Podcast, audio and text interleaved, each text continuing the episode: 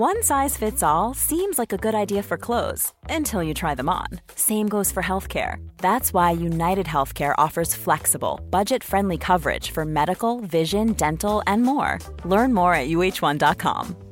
Quality sleep is essential. That's why the Sleep Number Smart Bed is designed for your ever evolving sleep needs. Need a bed that's firmer or softer on either side? Helps you sleep at a comfortable temperature? Sleep Number Smart Beds let you individualize your comfort so you sleep better together. JD Power ranks Sleep Number number 1 in customer satisfaction with mattresses purchased in-store. And now, save 50% on the Sleep Number limited edition Smart Bed for a limited time. For JD Power 2023 award information, visit jdpower.com/awards. Only at a Sleep Number store or sleepnumber.com. Since 2013, Bombas has donated over 100 million socks, underwear, and t-shirts to those facing homelessness. If we counted those on air, this ad would last over 1,157 days. But if we counted the time it takes to make a donation possible, it would take just a few clicks. Because every time you make a purchase, Bombas donates an item to someone who needs it. Go to bombas.com slash ACAST and use code ACAST for 20% off your first purchase. That's bombas.com slash ACAST, code ACAST.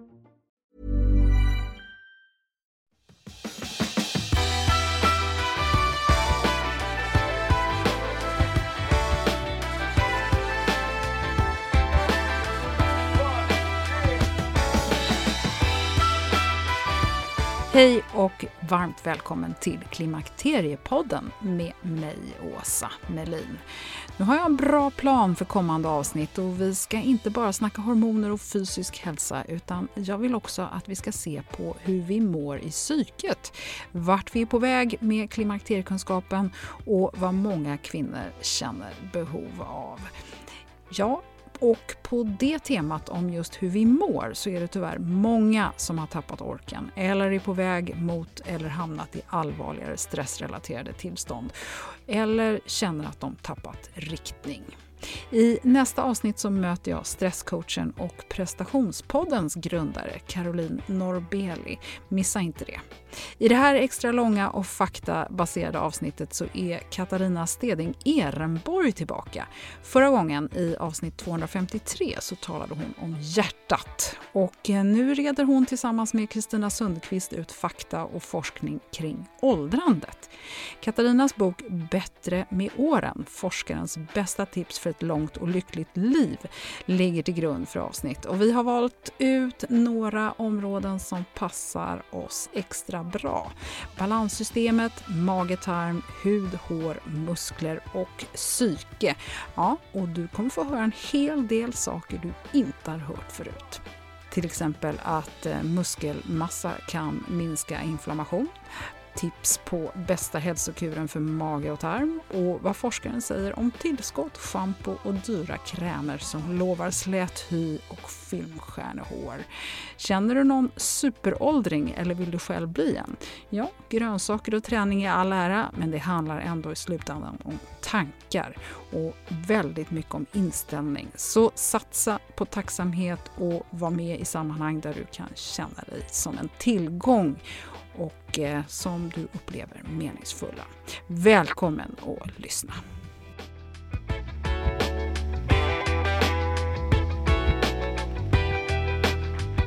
Då, Katarina Steding Ehrenborg, säger jag varmt välkommen tillbaks till Klimakteriepodden. Tack så mycket.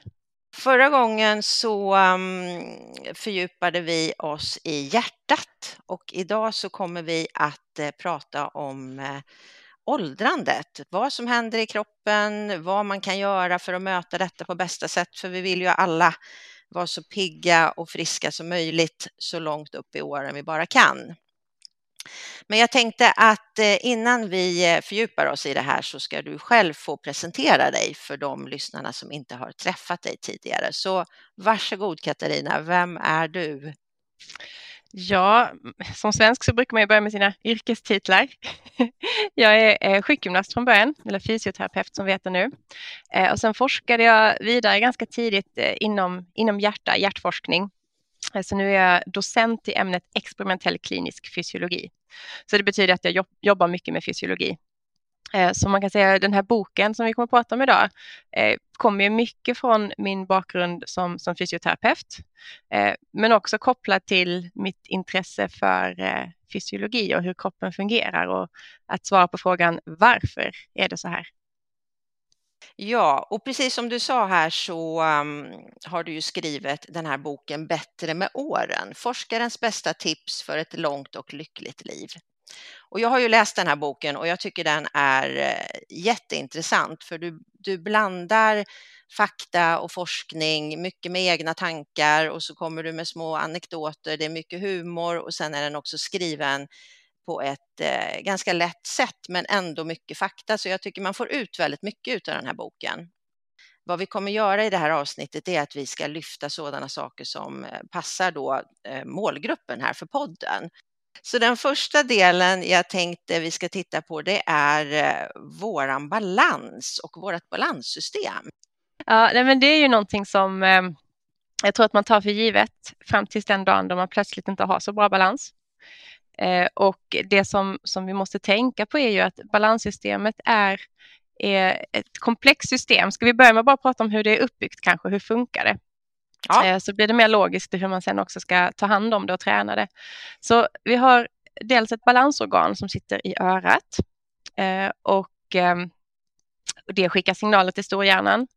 Och storhjärnan får också signaler från synen, de synintrycken vi har, eh, ger ju information om var vi befinner oss i rummet. Och sen får vi också information från muskler och leder och hud om om i vilken kroppsposition vi befinner oss.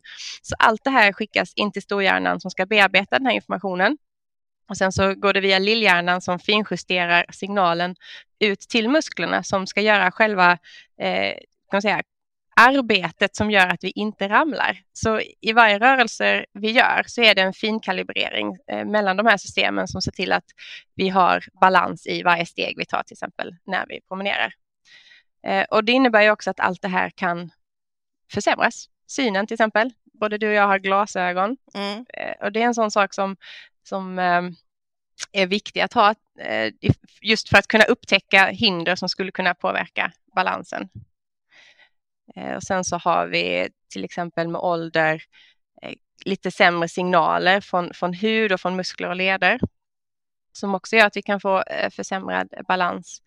Eh, och sen så finns det ju någonting som, eh, som, som många har hört talas om som är kristallerna i balansorganet och kristallsjuka. Och det som har hänt då är att de här kristallerna lossnar och hamnar på lite fel ställe i, eh, i örat och då fungerar inte balansorganet som det ska och signalerna till hjärnan blir felaktiga och man blir väldigt, väldigt yr. Eh, och akut kan symptomen eh, verka som att man har fått en stroke. Så det är inte ovanligt att man faktiskt eh, allra, allra första gången hamnar kanske på akutmottagningen. Och sen visar det sig då att det är någonting så godartat som kristallsjuka. Och det kan man fixa. Eh, om du tänker dig att örat är som en labyrint, så vad man helt enkelt måste göra är att röra på huvudet i vissa, alltså lägger det åt sidan, lägger det bakåt, så att de här trillar tillbaka till rätt ställe i den här labyrinten. Och det kan man få hjälp med av en fysioterapeut. Men eh, kristallsjukan då, är det någonting som kommer med stigande ålder? Mm, det är vanligast efter 30 års ålder. Mm. Eh, men eh, det är inte så att man, alltså jag skulle inte säga att det här är en, en ålderssjukdom egentligen. Däremot så tror jag att man när man blir äldre börjar acceptera saker som normalt åldrande och kanske tänker att det här är ingenting att göra någonting åt. Och så kanske man går med någonting som man faktiskt skulle kunna påverka. Eh, och där är till exempel yrsel en sån sak som är ganska vanlig när vi blir äldre. Om man tänker att ja, men så är det att bli gammal, att man får lite, lite yrsel och lite dålig balans. Men det behöver alltså inte vara så, utan mycket är så kallad godartad lägesyrsel och det kan man, kan man göra någonting åt. Så har man problem med yrsel så gå till din vårdcentral och se kan vi ta reda på vad det är för någonting och kan vi göra någonting åt det? Det är jätteviktigt så att man har bra balans. För har du bra balans, då vågar du ju ge dig ut i samhället och, och göra saker. Var aktiv, träffa vänner, inte bli begränsad av en sån sak. Eh, men hur ska man träna balansen då här i livet? Och när ska mm. man börja liksom? Ja, man kan säga aldrig sluta skulle vara mitt tips. Eh, barn som lär sig gå ramlar ju hela tiden för att de har inte så bra balans, så de tränar sin balans. Eh, enda sättet att verkligen träna balansen är att utmana sig själv på gränsen till att falla. för det är då kroppen reagerar på ett sätt som gör att det blir en träning. Så balansträning brukar jag säga det är lite grann en extremsport på så vis att det är stor skaderisk om du, om du verkligen kör hårt. Så vi har, eh, man kan säga att man kan tänka lite olika beroende på hur gammal man är. Om man är, säger att vi är 30 till 50 års åldern, då har du troligtvis en så pass bra balans att du tar den för given och kanske inte ens tänker på att du ska träna den. Men då är det bra att faktiskt träna den för att bibehålla den. Den kanske inte är på nedåtgående än, men bibehålla den genom att utmana dig själv. Och då kan ju utmaningarna behöva vara lite svårare än att bara stå på ett ben. Men det ska också vara lite roligt. Så jag brukar tänka eh, skogspromenader i ojämn terräng, kanske försöka hoppa från sten till sten, så som mm. barn beter sig. Um, ifall du ser en smal planka, gå balansgång över den plankan, balansera på trottoarkanter. Eh, Sådana små saker i vardagen gör att du utmanar dig och så håller du balansen igång. Och sen så kan man såklart välja att gå på träningspass eh, som har olika balansinslag. Men sen så när man blir lite äldre och kanske börjar få problem med balansen, då kan man behöva kan man säga, backa tillbaka lite och ha eh, jag ska inte säga att det är enklare balansövningar, för har du problem med balansen så är det här ju riktigt svåra övningar. Men man kan behöva ha lite mer skyddsfunktioner, till exempel eh, om du ska öva dig på att stå på ett ben, att ha en stol framför dig så du kan ta emot och hålla i den om du behöver. För det här med att kunna stå på ett ben är jätteviktigt. Vi måste stå på ett ben när vi ska gå upp för en trappa. Varje steg du tar så står du på ett ben. Mm. Så vi behöver kunna stå på ett ben, både höger ben och vänster ben. Eh, och då kan man träna på det. Eh, man kan träna stå med ögonen öppna och sen så kan man ta bort intrycken från, från synen. Då blir det ännu svårare för hjärnan att hålla balansen. Blunda när du står på ett ben. Men återigen, se till att du har någonting att, att ta i ifall du tappar balansen. Och sen en personlig favorit som är jätte, jättesvår tycker jag. Um, och då, därför ska man ha lite säkerhet runt sig. Om du ställer dig i ett, i ett hörn, i ett rum, så att du har två väggar om du skulle falla åt sidan och sen en stol framför dig ifall du skulle falla framåt. Och så blundar du och så skakar du på huvudet. Mm. Och så försöker du hålla balansen där. Det kommer du märka är jätte, jättesvårt för då stör du verkligen balansen på så många sätt. Och det är ganska rolig balansträning och det kan man göra med barnen och man kan göra det med far och morföräldrar. Och så kan man se vem som tycker det är svårast. Men lite mer, ehm, lite mer lek kan man säga då? Ja, hitta inspiration från barnen. Toppen. Eh, bra, då tycker jag vi går vidare till nästa del här och då hoppar vi in i kroppen och tittar lite grann på vår magetarm, tänkte jag. Och då är det ju så här att eh, många kvinnor, eller även män också såklart, upplever att eh, man får mer besvär från magen när man blir äldre. Mm. Vad har du för tankar om det? Man kan säga så här, det här med besvär från mage och tarm, det är lurigt. Det är, det är jättesvårt att lista ut vad det är som är problemet eh, och det är ofta, eh, man, alltså man kan säga en sorts trial and error. Är det någonting med maten? Är det någonting, eh, någonting som är en sjukdom? Men det finns ju vissa saker som, som eh, kan man säga är bra saker för magen som kanske blir att man gör lite mindre när man blir äldre. Ehm, så det första är att magen mår bra av att man rör på sig, alltså fysisk eh, aktivitet. Och det tror jag man kan känna igen bara på har du gjort en längre flygresa och suttit stilla väldigt länge så är det inte bara så att benen har risk för blodpropp utan eh, att, att det blir förstoppning är också väldigt stor risk. Dels för att du har suttit stilla så du har inte hjälpt till med någon tarmrörelse eh, och sen också uttorkning. Så man kan säga stillasittande, att inte dricka tillräckligt eh, och också fibrer. Man behöver äta fibrer. Det är bra saker för magen. Så ifall vi har minskat det så ökar vi också risken för, för problem med mag och tarm. Och sen har man också sett att tarmarna är ju muskler som ska ha en viss tarmrörelse som hjälper till att, att flytta maten framåt. Eh, och att de kan, kan bli långsammare med åldern så att vi får en sämre tarmrörelse och då blir det ju lättare förstoppning och gaser och så vidare. Så det är en aspekt som, som kan bli sämre med åren. Mm. Eh, och det här med att vi får ett sämre näringsupptag då? Mm. Det, näring, själva näringsupptaget sker i tunntarmen, men man kan säga att själva starten till näringsupptaget börjar redan i munnen. Mm. För så fort vi äter mat så ska den ju börja sönderdelas så att vi i slutändan har så sönderdelad eh, massa att den faktiskt går att absorberas i tunntarmen. Så när vi äter mat så ska vi kunna tugga. Har vi då problem med tänderna eh, eller för lite saliv så blir inte maten tuggad ordentligt redan i munnen. Och sen ska den ner i magsäcken och där ska den sönderdelas ytterligare eh, och, eh, och sen då vidare. Så vi kan säga tandhälsa är jätteviktigt för näringsupptaget. Mm. Dels att man äter ordentligt. Fibrer och sånt brukar vara rätt så jobbigt att tugga. Ett äpple eller en morot är ju tufft för tänderna så därför blir det jätteviktigt med tandhälsa eh, för att klara av det. Och sen har man också då sett ehm, att när vi är nere i tunntarmen så kan det vara så att själva tarmluddet som är där inte är lika bra på att ta upp näring eh, som det kanske var när man var ung. Eh, jag skriver boken själv en jämförelse med, med glutenintolerans, alltså celiaki. Att om man, de som har, har man fått i sig gluten när man har celiaki så påverkas ju tarmluddet vilket i sin tur kan göra att man får sämre näringsupptag. Eh, och eh, kanske är det li lite likadant när man blir äldre man kan säga att det är väldigt mycket man inte vet eh, om varför det blir sämre näringsupptag.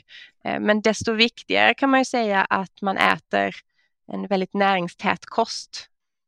Ja, men jättebra tips. Du tar upp några hälsokurer. Du pratar om eh, ingefära och alger. Och det hör vi ju ofta att vi ska äta för det är ju bra. Ja. Och vad säger du om det? Ja, man kan ju säga att jag i den här boken också försökte eh, ta reda på vad gör folk för att främja hälsa och vilka vetenskapliga bevis har vi egentligen för de här? För att vi gör märkliga saker för att hålla undan åldrandet. Eh, och ingefära var ju någonting som dök upp väldigt eh, snabbt i mitt huvud vad gäller hälsokurer. Um, men jag kunde inte hitta något vetenskapligt övertygande eh, bevis för att det har någon effekt eh, på, på hälsan. Eh, och sen när det kommer med sjögräs, det får väl vara representera algerna då, ehm, så kan det vara bra. Men det beror på vad man har för gener. Man måste ha rätt sorts gener för att kunna till, alltså bryta ner och tillgodogöra sig de bra sakerna. Så ifall man härstammar från japanska fiskare och ön Okinawa är ju känd för att många hundraåringar kommer, bor där och att det är mycket hälsosamt. Eh, och, att, och koppla det till sjögräs bland annat. Där de kan ta hand om det här sjögräset och göra det till någonting bra i kroppen.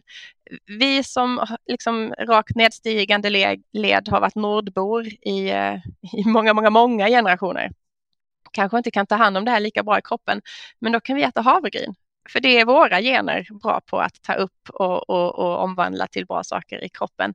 Eh, så jag skulle säga, är du här från Sverige i många, många generationer så, så rekommenderar jag havregryn för hälsan eh, och sjögräset ifall man tycker det är gott. Mm. Intressant. Lavemang och cleans för att rensa tarmen. Det är också någonting som många håller på med. Eller jag ja. vet inte om det är jättevanligt, men det finns olika sådana här ja, hälsohem och allt möjligt. Ja, jag kan säga jag tyckte det var jätteskönt när jag läste att det, det behöver man inte göra. Eh, tarmen är ren. Det är ingenting som, eh, som vi behöver hålla på och tvätta. Utan dessutom så har eh, skärmen, har tarmen sin egen, sin egen städpersonal kan man säga. Så att när magen kurrar och vi brukar säga oj, jag är nog lite hungrig, så är det för att när tarmen är helt tom det är då städpersonalen drar fram och, och eh, liksom tar bort det sista och ser till att det är rent. Eh, och då kurrar det. Och då tror vi att vi är hungriga, vilket kan ju stämma eftersom det var länge sedan vi åt det, därför tarmen är ren och de, de kan städa. Eh, så då, då, är det ju dags att äta igen. Men det som knorrar är faktiskt inte hunger utan städning. Och där kommer vi in lite på det här just att vi brukar ju prata om det att vi kanske ska undvika det här småätandet. För att om vi, om vi låter, kanske håller oss till tre måltider, då hinner ju den här städpersonalen komma in. Annars gör de ju inte det, då är det ju fullt hela tiden. Liksom. Ja, jag har inte tänkt på det så, men det, det makes sense kan man mm. säga ur det perspektivet. Och sen är det ju ofta det här småätandet, det är ju sällan de nyttiga sakerna man äter mellan måltiderna. Men med det sagt, när vi pratar med aptiten, om man har problem med aptiten så är det viktigt att man äter eh, snarare små måltider och ofta. Eh, så det, det är också, man får ju, när det kommer till hälsa så är det så här, vi kan inte optimera precis allting eh, enligt ett recept, utan det är ju det personliga. Det är viktigare att man äter och får i sig näring än att städpersonalen får gott om tid i tunntarmen mellan måltiderna.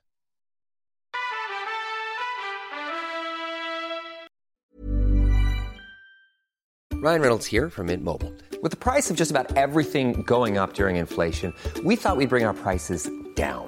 So to help us, we brought in a reverse auctioneer, which is apparently a thing. Mint Mobile unlimited premium wireless. Ready to get 30, 30, bit to get 30, bit to get 20, 20, 20, bit to get 20, 20, bit to get 15, 15, 15, 15 just 15 bucks a month. So, Give it a try at mintmobile.com/switch. slash $45 up front for 3 months plus taxes and fees. Promo rate for new customers for limited time. Unlimited more than 40 gigabytes per month slows. Full terms at mintmobile.com. Quality sleep is essential. That's why the Sleep Number Smart Bed is designed for your ever evolving sleep needs. Need a bed that's firmer or softer on either side? Helps you sleep at a comfortable temperature? Sleep Number Smart Beds let you individualize your comfort so you sleep better together. JD Power ranks Sleep Number number 1 in customer satisfaction with mattresses purchased in-store. And now, save 50% on the Sleep Number limited edition Smart Bed for a limited time. For JD Power 2023 award information, visit jdpower.com/awards. Only at a Sleep Number store or sleepnumber.com. Life is full of what ifs. Some awesome, like what if AI could fold your laundry? And some, well, less awesome, like what if you have unexpected medical costs? United Healthcare can help get you covered with Health Protector Guard fixed indemnity insurance plans. They supplement your primary plan to help you manage out of pocket costs. No deductibles, no enrollment periods, and especially no more what ifs. Visit uh1.com to find the Health Protector Guard plan for you. Det är härligt att klimakteriets tabu äntligen är på väg bort. Vill man försöka klara sig utan hormonbehandling så finns nu många nya kosttillskott som lovar bland annat hormonell balans och som ska stötta brister. Jag vill lyfta min räddare i nöden, Femarel. Det har inte bara varit min utan många andra kvinnors räddning i över 20 år. Och med lång tid på marknaden, med nöjda användare, dessutom med 20 forskningsstudier så vågar jag säga att det kan vara en god idé att prova Femarel. Femarel finns på apoteken och i hälsokostbutiker. Tack Femarel som varit min samarbetspartner i många år.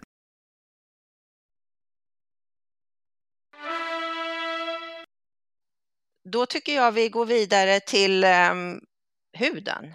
Och huden är ju vårt eh, största försvar mot yttervärlden kan man väl säga. Och eh, vi håller ju på med alla möjliga krämer, solskydd, det är rengöring, det finns hur mycket produkter som helst. Och den ena ska vara bättre än den andra och göra underverk och så vidare. Och eh, här har du också gått igenom ganska grundligt tycker jag. Så att jag tänkte att kan du börja med att berätta om eh, hur huden är uppbyggd, de här olika lagren, så att man liksom förstår vad det är de, som finns i de olika lagren? Ja, så vi har eh, den yttersta delen av huden kallas för överhuden. Eh, och den har inga blodkärl, så skulle du skära dig väldigt ytligt och inte blöda så är det för att du är kvar i överhuden. Och det är där vi har pigment. Eh, och pigment är det som ska skydda oss från eh, solens strålar. Eh, så hud, skydda överhuden med solkräm är en, en viktig sak att komma ihåg. Sen kommer vi till läderhuden, nästa lager. Där finns ämnen som heter elastin och kollagen. Och det gör att huden blir stark och den blir elastisk. Och med ökande ålder så får vi mindre elastin, vilket innebär att huden blir mindre elastisk. Det är därför vi känner att den börjar hänga lite mer och är lite rynkig. Och i den här delen av huden så har vi också blodkärl. Och blodkärlen är viktiga för att eh, reglera vår kroppstemperatur. Om vi är väldigt varma så skickar vi mycket blod ut till de här ytliga blodkärlen så att vi kan svalkas av av luften innan blodet går tillbaka till hjärtat. Eh, och tvärtom, de drar ihop sig ifall det är väldigt kallt. Eh, och till sist underhuden. Där finns eh, mycket vätska och vi har fettceller. Så det, den här delen av huden blir en sorts stötdämpare för kroppen. Det är ett vätskeförråd. Det isolerar mot kyla. Och det här underhudsfettet som vi har det är dessutom ett jätteviktigt reservlager för energi. Så att vi behöver ha, en, vi behöver ha underhudsfett helt enkelt.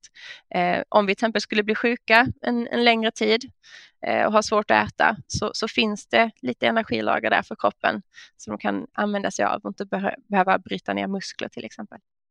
Men om vi då tittar på olika hud eller såna här eh, ansiktskrämer och allt möjligt så talas det ju ofta om kollagen och hyaluronsyra. Och dem hade vi ju då i läderhuden. Hur ska vi tänka då om de här?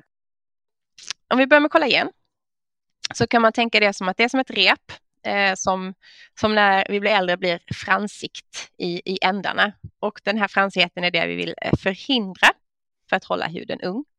Eh, och därför finns det jättemånga krämer och produkter som innehåller kollagen och då marknadsförs som att det här är bra. Men problemet är så här. Kroppens egen produktion av kollagen sker i läderhuden och ovanför den har vi ju överhuden. Och kollagen är en stor molekyl, alldeles för stor för att kunna ta sig igenom överhuden. Så även om du använder en, en, en kräm med kollagen så kommer den liksom stanna på utsidan. Den kan inte ta sig ner i det lagret som verkligen använder kollagen. Eh, sen finns det ju vissa krämer som har kollagenstimulerande ämnen eh, och de kan vara tillräckligt små för att kunna ta sig ner och kanske ha en effekt på, på vårt kollagen. Det svåra är ju som konsument att veta vilket är det ena och vilket är det andra, vad funkar i verkligheten. Och sen har vi såklart en viss placeboeffekt också, att om man tycker att det känns skönt och får man liksom en, en bra känsla av hudkräm eh, så kommer man tycka att den funkar. Eh, men skulle man mäta vetenskaplig effekt så kanske det är mer tveksamt. Och sen så finns det ju drycker med kollagen att man kan dricka och i Japan äter man fiskögon för det är också kollagen. Ja. I, I syfte liksom att ha bra hud. Um, och där kan jag säga att jag har hittat studier som visar positiva effekter eh, av att dricka det. Eh, då kommer det från insidan liksom och kanske då kommer till rätt ställe. Eh, men jag har också sett studier att det inte har någon effekt. Så man kan säga att eh, diskussioner pågår fortfarande och det kan ju vara att man bara behöver hitta rätt sorts kollagendryck i rätt sorts dos för att, att det ska bli liksom på riktigt någon effekt och, och där är vi inte riktigt än. Eh, men kanske kommer det i framtiden. Eh, om vi tittar vidare då på den här eh, hyaluronsyran. Det är ett ämne som är vattenbindande och det är det som ger volym i huden. Så om man vill ha lite så här äppelkinder som är lite som barns kinder som är så här mysiga och lite mer fluffiga. Eh, det är den här hyaluronsyran då som, som, som ger den här effekten och när vi blir äldre så, så producerar vi mindre. Så det är därför också som vi får lite mer smalare ansikten efterhand som vi blir äldre. Men det här finns ju i många krämer också. Eh, men man kan säga att eh, precis som kollagen så, så verkar det här inte vara ett ämne som kan ta sig igenom överhuden och faktiskt göra nytta. Men eh, det här hyaluronsyra är också intressant för att det används ju i så, så kallade fillers. Så det är inte bara så att man använder det som en kräm utan det är också ett, en, en filler.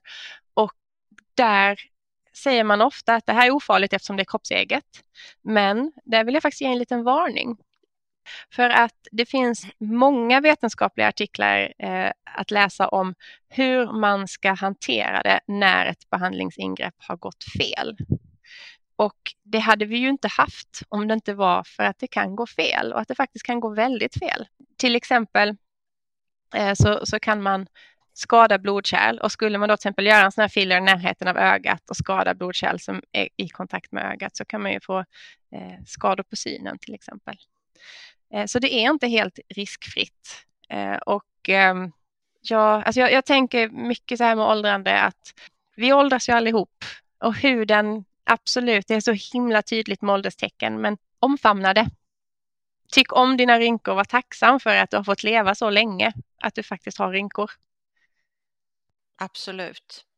Eh, och det är ju så här också, det här med både solen och eh, till exempel rökning är ju de största hoten mot huden. Jo, alltså det, det, är verkligen återkommande. Skydda dig från solen. Håll dig i skuggan. Eh, använd solkräm. Använd solhatt. Och sen så kan man ju säga eh, kosten. Alltså vad vi äter påverkar ju huden och då kan man säga att det finns nog bättre evidens för att faktiskt äta sina antioxidanter. Eh, ät frukt och grönt.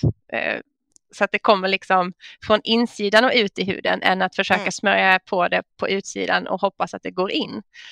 Så bra kost, eh, förutom att det liksom kan få huden att se finare ut, så det verkar ju på till exempel blodkärl Så att blodkärlen mår bra ifall om man äter mycket frukt och grönt. Och blodkärlen för ju näring med sig ut till huden.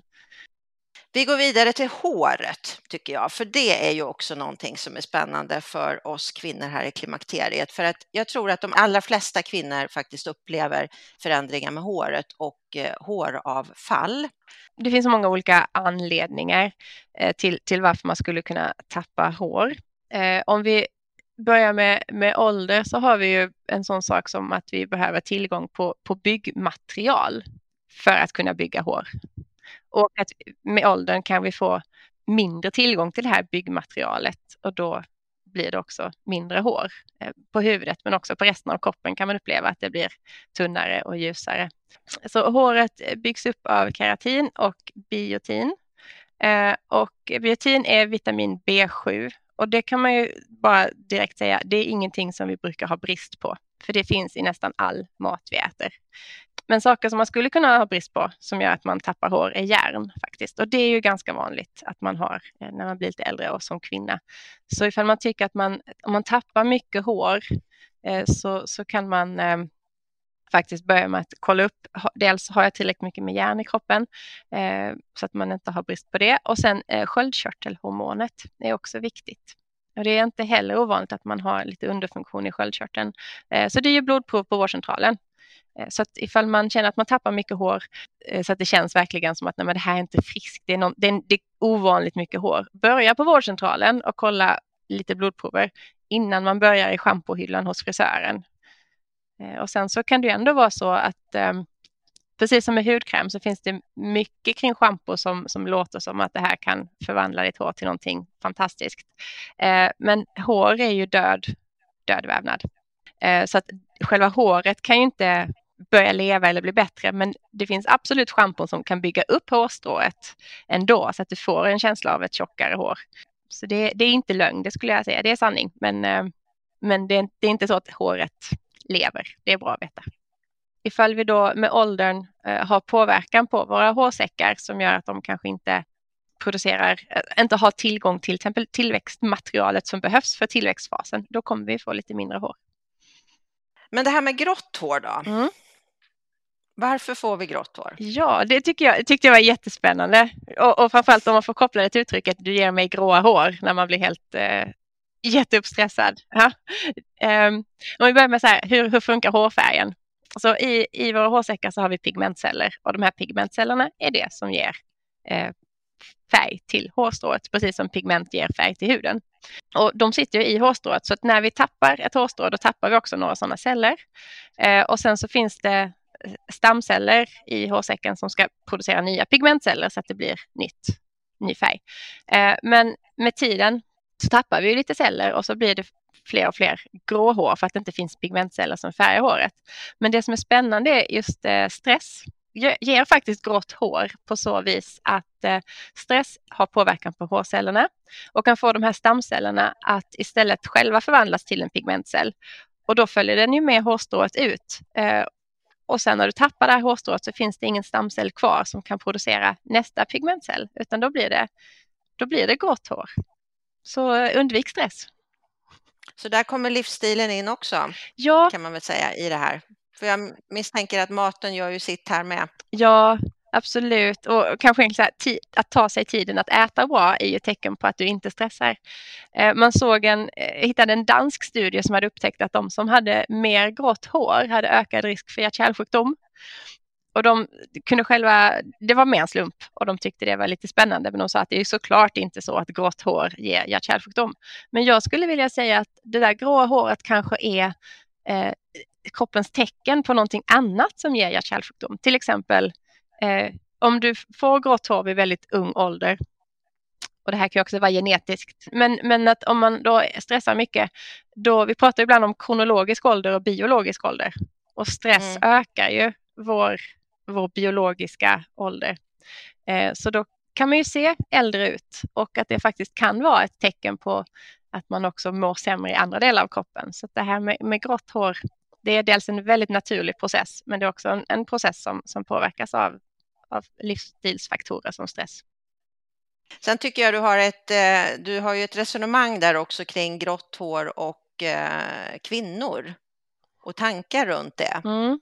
Eh, det finns studier både vad gäller grått hår på kvinnor och hur de uppfattas i, i, sin, i sin vardag och sin yrkesroll. Och det är samma sak med, med smink. Om vi börjar med håret. Personer som har grått hår kan komma att diskrimineras för att de helt enkelt eh, eh, kan, kanske inte just ålders utan mer bara att man inte tar hand om sig själv och om du inte tar hand om dig själv och ditt hår då tar du nog inte hand om dina arbetsuppgifter så väl heller. Och lite samma sak med, med smink, att om du inte sminkar dig då har du inte tagit hand om dig själv och då kan jag inte lita på dig med arbetsuppgifterna. Eh, och sminkar du dig för mycket då bryr du dig för mycket om ditt utseende så då kan jag inte heller lita på dig. Så man har gjort studier där man ser att folk gör en bedömning av hur mycket man kan lita på en person och att det är faktiskt tyvärr kopplat till sådana saker som hur, hur grått hår du har eh, eller om du har smink eller inte och ifall det är lagom mycket. Och det lustiga är ju att den här gråa håreffekten som då kan vara negativ för oss kvinnor, för män tvärtom eh, är någonting positivt. En man som har grått hår eh, bedöms eh, både som sofistikerad och troligtvis mycket kompetent i det han gör eftersom han har byggt på sin erfarenhet. Och det är ju väldigt det, det, är jättetråkigt att läsa sån, sån forskning, men jag tror att genom att lyfta det och man börjar prata om det så kan det ju medvetandegöra eh, förutfattade meningar som man inte ens vet att man har. Och så kanske vi kan göra någonting åt det. Nej, jag tyckte det var en, en, ett spännande mm, del att du tog upp det där bara. När det gäller håret då, tips på, kan man få något sånt här filmstjärnehår? Uh, ja, jag, jag misstänker att alla filmstjärnor har extensions. Men eh, någonting som man har sett vetenskapligt är att eh, massage av hårbotten stimulerar ju blodtillförseln till hårsäckarna och att man faktiskt kunde mäta en förtjockning av hårstrået efter regelbunden massage under en viss period. Jag minns inte, det var inte jättelänge, det var några veckor. Eh, så det är ju ett jättetrevligt tips eh, tycker jag. Att, för dels är det ganska skönt att få massage i hårbotten eh, och sen så stimulerar det håret till att bli lite, lite tjockare. Så det skulle jag säga är mitt, mitt allra bästa tips. Och det kan man ju göra på sig själv. Ja, exakt. Och sen så kommer det här med, med kosten igen. Det måste finnas byggstenar så vi behöver få i mm. vitamin, mineraler, Eh, järn då är det jag tänker på att vi ska inte ha järnbrist. Eh, och sen som jag sa innan med schampo, det kan faktiskt bygga på, ett bra schampo ger en annan känsla i håret. Så jag, jag, tycker att det här med att vara snygg i håret, det är ju en, en materialsport. Det är sant, bra produkter gör skillnad för hur, hur, du får ordning på håret och så är det någonting man kan välja att investera i eller inte. Men, men det är absolut så. Då ska vi titta på våra muskler. Och um, då är det så här att vi, vi har ju pratat en hel del om uh, muskler och uh, vikten av att styrketräna när vi blir äldre för att behålla muskelmassa och just styrkan då. Men jag tänkte att du ska få berätta mer om vad det är som egentligen händer med våran muskelmassa. Ja, man kan börja med, det, det har ihop med kopplingen mellan hjärna, nerv och själva muskeln. För varje eh, liten muskelcell du har är kopplad till en, till en nervfiber. Eh, och en nervtråd, eller nerv, en nerv och de muskelceller som den innerverar kallas för en motorisk enhet. Och när vi har väldigt bra finmotorik i en muskel, som i händerna, då har vi många små motoriska enheter. Det gör att hjärnan kan skicka signaler i de här nerverna ut till musklerna och få väldigt liksom, finjusterade rörelser. Och till exempel i muskler som ska vara väldigt starka, som lårmuskulaturen, där har man större motoriska enheter för där behöver vi inte ha någon fin koordination utan det är ju mer en muskelkraft som ska, som ska utvecklas där. Och det som händer med åldern det är att samspelet mellan nedbrytning av de här nervfibrerna och uppbyggnaden av dem, som sker hela tiden naturligt, kommer i obalans på så vis att nervfibrerna kan brytas ner men inte byggas upp igen tillräckligt snabbt. Och då blir det muskelceller som är utan nervuppkoppling. De blir föräldralösa kan man säga. Och en nervfiber som inte får signal från hjärnan, den, den dör. Vi måste hela tiden ha nervsignaler till till, eh, till våra muskler. Eh, så det innebär att, att vi kan ha dels, det första som händer är att närliggande nerver försöker kompensera och liksom koppla, koppla in sig på de här ensamma muskelfibrerna så att de inte behöver vara ensamma så det blir som en, en stor familj istället. Eh, och då förlorar vi koordination så att då blir det en större motorisk enhet. Så det är därför vi blir lite mer klumpiga också när vi blir äldre för att fingrarna har fler stora motoriska enheter och då kan vi inte vara lika eh, finjusterande. Men också då ifall de inte får någon uppkoppling så, så får, förtvinar muskeln och dör och då får vi ju mindre muskel med ålder. Och om man då håller igång med styrketräning, kan man få igång de här kopplingarna då? Man kan väl säga att man håller igång de man har. Mm. Eh, men ifall man inte har tränat ehm, eh, styrketräning och börjar träna så känner man ju väldigt snabbt en effekt. Det är det som är så himla roligt att, att börja med någonting nytt. Det går så fort att man blir bättre. Men det är inte för att muskeln egentligen blir starkare utan då är det alltså den här neuromuskulära kopplingen. Att nerven och muskeln och hjärnan hittar sin koppling bättre och så blir det plötsligt starkare utan att muskelfibern i sig egentligen har växt till. Och sen kommer själva tillväxten av muskeln eh, lite senare. Så så länge man då håller igång och använder sina muskler eh, så har man en, en fördel av att, att bibehålla.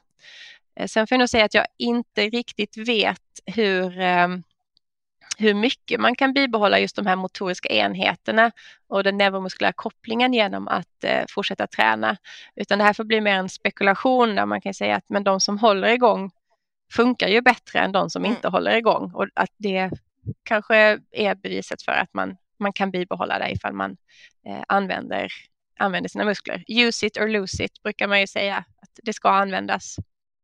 Men det här med proteinnedbrytning då? Mm. Och att vi ska äta protein? Ja, proteinet är, är ju våra byggstenar till att sen kunna bygga upp musklerna. Eh, eller bibehålla musklerna, för har vi inte tillräckligt så får vi inte tillräckligt med mat så kommer vi förr eller senare börja bryta ner protein också i kroppen. Eh, först har vi ju fett och, kolhydrater. Men när man då pratar om hur mycket eh, protein man ska få i sig så säger eh, muskelforskare som jobbar med det här att kostråden för protein ibland kan ligga lite grann i underkant och särskilt mm. för äldre. Och sen så får man också tänka på att ju äldre man blir, tillbaka till det här med aptiten och näringsupptaget etc. att det kanske till och med blir svårare också att få i sig det. Men så så att, och även om råden är rätt så, så kan det vara så att det ändå blir så att man får upp i sig för lite. Så rekommendationen som jag fick när jag pratade med, med muskelforskare på Karolinska institutet i Stockholm om vad, vad, vad säger ni då, vad, vad, tycker ni ska vara? Så ungefär 1,5 gram per kilo. Så väger man 70 kilo så ska man äta ungefär 100 gram protein om dagen. Eh, och då kan man säga 100 gram kyckling är inte 100 gram protein utan det är 27 gram protein. Så då skulle du behöva äta ganska mycket kyckling för att ha fått i dig hela din protein, eh, dagliga protein. Och sen äter man kanske inte bara kyckling, det finns ju andra proteinkällor också som ägg, kvarg och så vidare. Men eh, om jag säger min insikt själv när jag satt och skrev och räknade på det här var ju att det, det var inte så självklart att jag fick i mig tillräckligt med protein varje dag det är inte helt enkelt att få i sig allt det här proteinet som man kanske tror. Nej. Så det, det är ju viktigt att man tänker på det och framför allt då i kombination med att man blir äldre och att vi då tappar att för att hålla det här i schack liksom. Exakt. Så planera måltiderna så att de är näringsrika och eh, med rätt saker. Precis, och sen har vi ju det här med låggradiga, eh, låggradig inflammation i kroppen också som kan påverka proteinet mm. eller proteineffekten. Det skriver du också om i boken. Att, att ha en låggradig inflammation i kroppen, vilket man till exempel ser hos personer som har det vi kallar det metabola syndromet, där man har alltså övervikt, kanske diabetes. Eh, för det här med fettväv skickar ut inflammatoriska ämnen i kroppen och då får man en låggradig inflammation som man till exempel har sett är en stor riskfaktor i hjärt-kärlsjukdom. Men man har också eh, sett att det kan hämma proteinupptaget. Så då kan det bli att även om du på tallriken har tillräckligt mycket protein mm. så är det inte så att kroppen kommer ta upp tillräckligt. Um, men det, det, fina här är ju att det finns ett väldigt lätt sätt att dämpa låggradig inflammation i kroppen och det är fysisk aktivitet. Så det är inte så, jag ska inte säga att det är inte komplicerat för det är jättekomplicerat att, eh, att komma ut och röra på sig om man inte är van. Men det är i alla fall inte så att man behöver börja ta mediciner eller så utan man kan faktiskt eh, motionera mera och dämpa inflammationen och det hjälper proteinupptaget. och där tänkte jag också på det här att eh, muskler i arbete släpper ut ämnen som dämpar inflammation. Mm. Ja, det, jag tycker det är ett jättespännande ämne som för mig är otroligt eh, inspirerande också till att komma igång och röra på sig. För att eh, musklerna har alltså förmågan att skicka ut någonting som kallas för myokiner. Och myokiner kan dämpa inflammation. Eh, så att, men enda sättet att få ut de här myokinerna är ju att vi måste använda musklerna. Så det är, ett, det är ett träningspass som behövs. Eh, och så att när vi rör på oss så, så har vi möjlighet att eh, förebygga jättemånga olika sjukdomar bara genom att musklerna skickar ut en sorts friskfaktorer i kroppen. Så ifall man inte är intresserad av att styrketräna eller jogga för att man, eh, man, man kanske inte tycker kondition är roligt eller styrka eller utseende, men att tänka på vad det faktiskt gör inuti kroppen. Att bara se de här myokinerna för sitt inre strömma genom eh, blodkärlen och hjärtat och bara städa, så ser jag på det. Städa upp och göra rent och fint så att man kan må bra länge. Det tycker jag är jätteinspirerande, så när jag är osugen på att träna så tänker jag myokiner. Mm. Så, så tränar jag i alla fall. Nej, men det blir ju, det blir ju effekt från alla håll där tänker mm. jag. Du, dels bygger du muskler som också får igång ämnesomsättning och allt möjligt och hela kroppen och sen samtidigt så får du den här effekten också för immunförsvaret. Så det är ju nej, jätte, jättebra grej att ha med tycker jag. Eh, men sen, vi har ju inte bara eh, skelettmuskler utan vi har ju de här så kallade glatta musklerna och det är ju mage, tarm, hjärta och så vidare. Och om man då ska, det är bara en sån här liten fundering här, att om man då pratar om use it or lose it, hur, mm. hur ska man tänka om dem då? Mm. För de blir ju också äldre, tänker jag. Ja, eh, och, man kan säga, och de används ju. Om vi säger tarmmuskulaturen används ju när du äter, så på så vis så, så använder du ju den. Men vi pratade innan om att de kan bli lite långsammare. Precis. Eh, och hjärtat är ju också en sån sak som du använder precis hela tiden. Men en, en gång kommer ju hjärtat att stanna. Och eh, även om det är helt friskt, ditt hjärta, så är det så att någon gång kommer det ju stanna. Och, och varför det? Vad är det som, som gör att, att det till slut faktiskt eh, slutar slå? Eh, och hjärtmuskeln, det är en muskel, den påverkas av ålder. Eh, och eh, det, det i våra i våra muskler så har vi små kraftverk som heter mitokondrier och mitokondrier är det som bildar eh, cellens energivaluta. Eh, och när de gör det så skickades det också ut en del fria syreradikaler som kan ge upphov till skador. Eh, och det är därför vi behöver antioxidanter som tar hand om dem.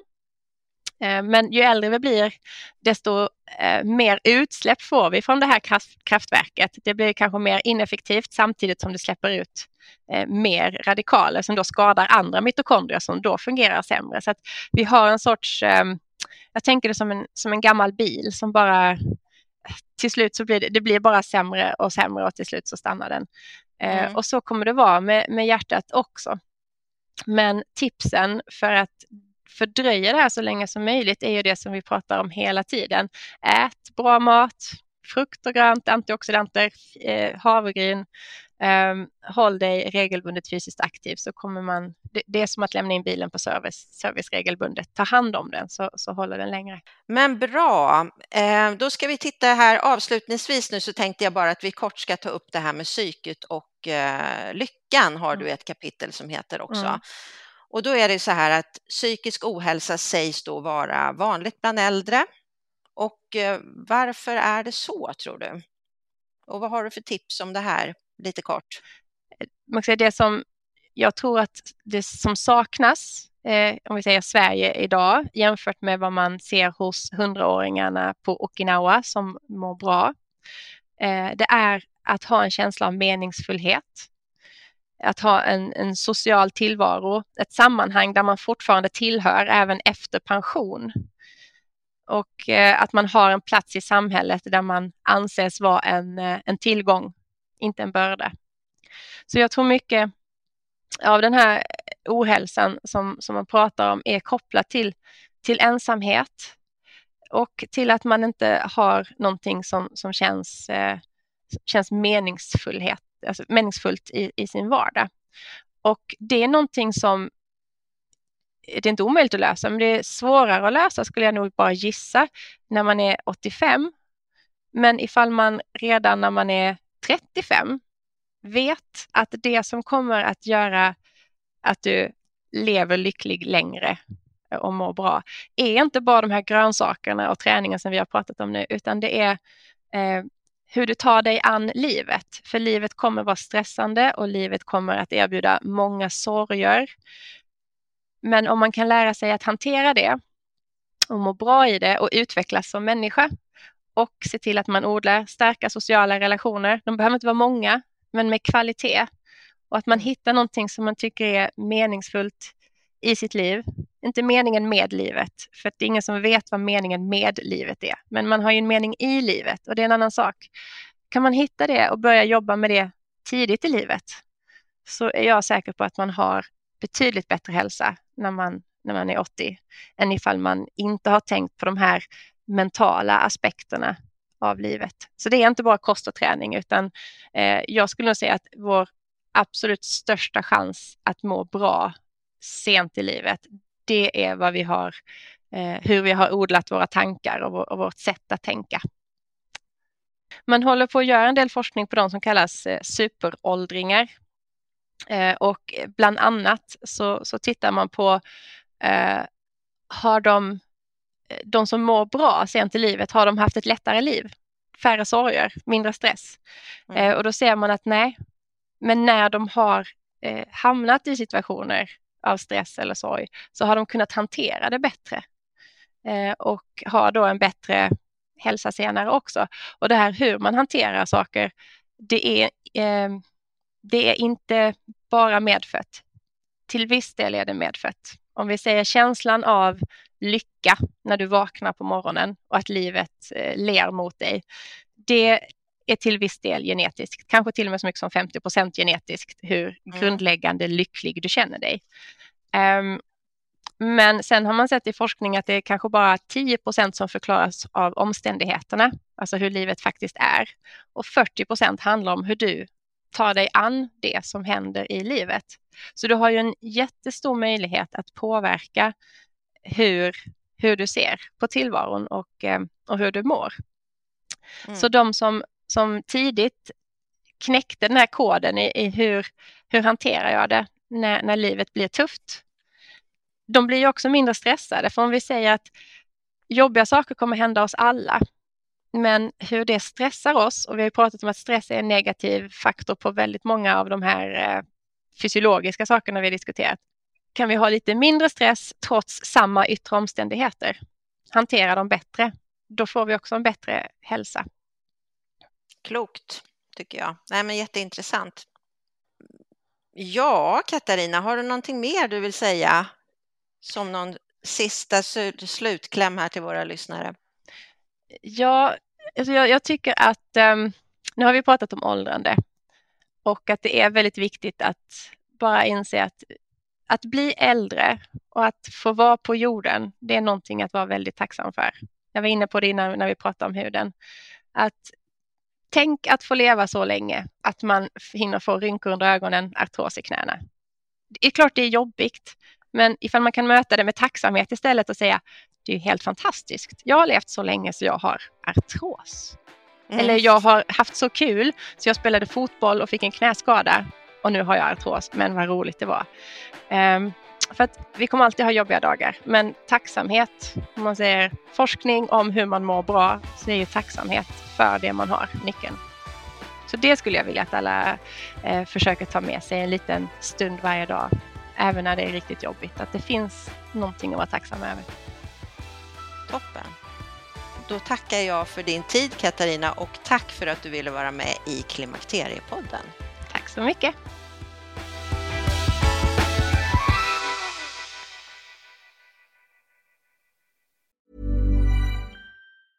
Ever catch yourself eating the same flavorless dinner three days in a row? Dreaming of something better? Well, HelloFresh is your guilt-free dream come true, baby. It's me, Kiki Palmer. Let's wake up those taste buds with hot, juicy pecan-crusted chicken or garlic butter shrimp scampi. Mm. Hello Fresh. Stop dreaming of all the delicious possibilities and dig in at HelloFresh.com. Let's get this dinner party started. Hi, I'm Daniel, founder of Pretty Litter. Cats and cat owners deserve better than any old fashioned litter. That's why I teamed up with scientists and veterinarians to create Pretty Litter. Its innovative crystal formula has superior odor control and weighs up to 80% less than clay litter. Pretty Litter even monitors health by changing colors to help detect early signs of potential illness. It's the world's smartest kitty litter. Go to prettylitter.com and use code ACAST for 20% off your first order and a free cat toy. Terms and conditions apply. See site for details.